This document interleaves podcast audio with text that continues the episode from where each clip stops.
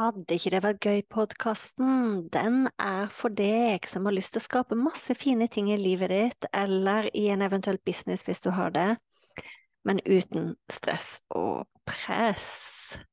Så lytt inn. Uansett hvilken episode du kommer til, så kan det hende jeg snakker om business, det kan hende jeg snakker om nettkurs, det kan hende jeg snakker om kursplattform, det kan hende jeg snakker om livet, det kan hende jeg snakker om meditasjon, det kan hende jeg snakker om eh, manifestering. Alt som egentlig kan gjøre livet vårt og businessen vår bedre. Når jeg starta opp, så var det sånn at eh, den podkasten her heter Fantastiske nettkurs. Det heter den ikke lenger. Er ikke det gøy? Så tankegangen med Vil ikke det være gøy-podkasten, det er at eh, vi kan skape så mye fine, fantastiske, suksessrike ting både i livet og businessen vår, men uten press. Uhuhu. Vi ses! Velkommen til fantastiske nettkurs-podkast nummer 21. Og i dag skal vi snakke om eh, kreativitet. Fordi det jeg opplever, er at mange når de tenker på nettkurs og skal lage nettkurs, så går man rett på å tenke det tekniske. Man tenker kursplattform, man tenker innspilling, man tenker salg. Og ja, det er definitivt en del av det å lage nettkurs. Men det jeg har lyst til å snakke om i dag, det er hvordan bruke kreativiteten når man lager nettkurs. Og da, da, da, blir jobben så mye gøyere. Da har man det mye mer sånn Det føles ikke som jobb, det føles bare som man har det moro. Og jeg vil gi noen tips som har fungert for meg eh, når jeg har laga nettkurs og hvordan jeg har kunnet brukt min kreativitet. Beklager at jeg er litt tett i nesen. det er pollensesong når jeg spiller inn den eh, podkastepisoden her, så jeg får ikke gjort så mye med det. Men jeg lar ikke det stoppe meg.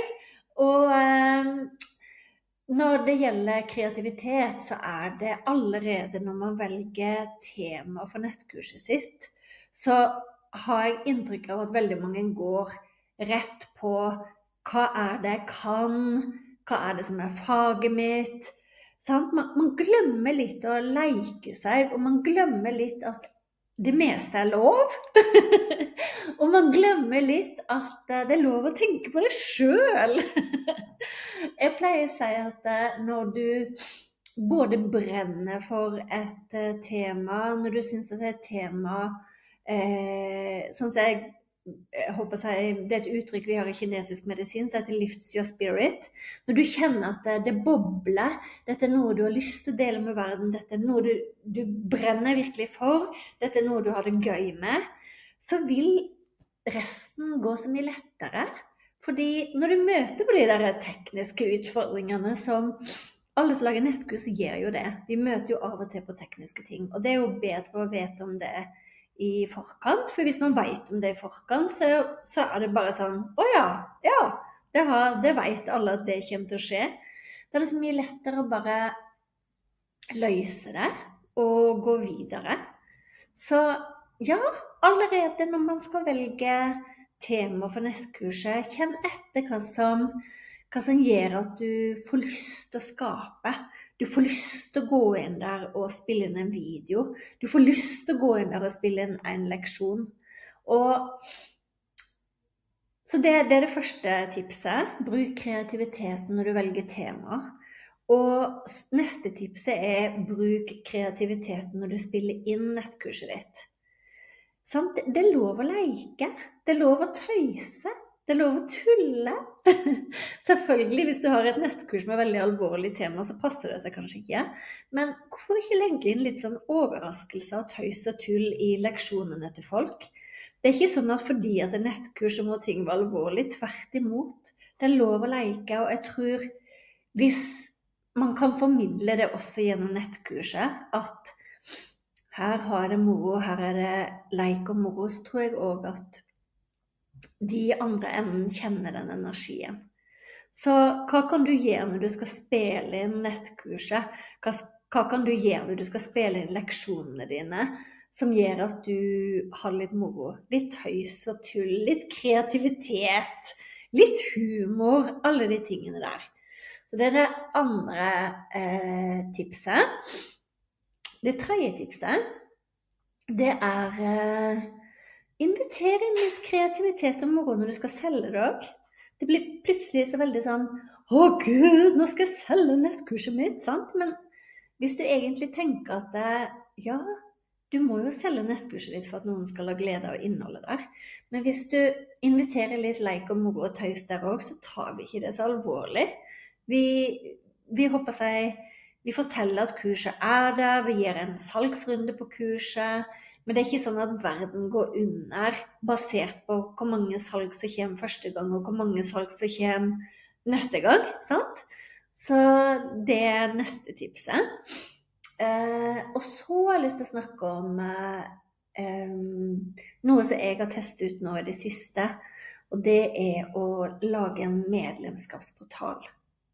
Og jeg må innrømme at eh, jeg har akkurat laget en medlemskapsportal sjøl som heter 'Ekspandere i alt godt i livet og i business'. Og jeg må innrømme at jeg lagde den av litt egoistiske grunner. Fordi jeg kjente at jeg trengte å like meg, jeg kjente at jeg trengte å være kreativ. Jeg kjente at jeg hadde lyst til å spille inn det jeg har lyst til å spille inn. Sant? Så jeg bruker faktisk den til å være veldig kreativ. Så når jeg kjenner at det, Og nå har jeg lyst til å lage en, et lite minikurs om meditasjon, eller et lite minikurs om produktivitet, eller et lite minikurs om prising, så gjør jeg det. Og det fine er at jeg kan kose meg og leke med mens jeg gjør det. Så en medlemskapsportal kan være en fin ting for deg å utfolde deg hvis du hvis du har mange temaer, hvis du har mange ting du brenner for, hvis du har mange ting du har lyst til å dele, så er det ypperlig å putte inn en medlemskapsportal. Og det er liksom, Jeg har en annen episode her der jeg snakker om forskjellen på å ha en medlemskapsportal og et kurs. Jeg kan legge link til det under her. For det er visse ting som er fint å tenke på. Jeg har jo et hovedkurs, det er liksom mitt den viktigste kurset som jeg selger med nettkurs, eh, som er det jeg brenner mest for. Og så bruker jeg medlemskapsportalen mer for å leke med, med min kreativitet, eh, utforske nye ting og lage kurs i. Og ja, kose meg og leke med meg. Så, men det er visse ting som kan være greit å tenke på. F.eks. er det viktig for deg å tjene penger via et nettkurs? Er det ikke viktig? Er det viktig for deg å slippe å ha eh, mye kundesupport? Fordi en medlemskapsportal vil jo være litt mer type kundesupport, sant? Men det jeg ofte sier, er at det, du finner ut av ting underveis. Så hvis du har en medlemskapsportal, og den tar skikkelig av, og du opplever at du får ganske mye kundesupport-e-poster, så er det veldig løsbart der og da. Da kan du egentlig bare finne ut av det der og da.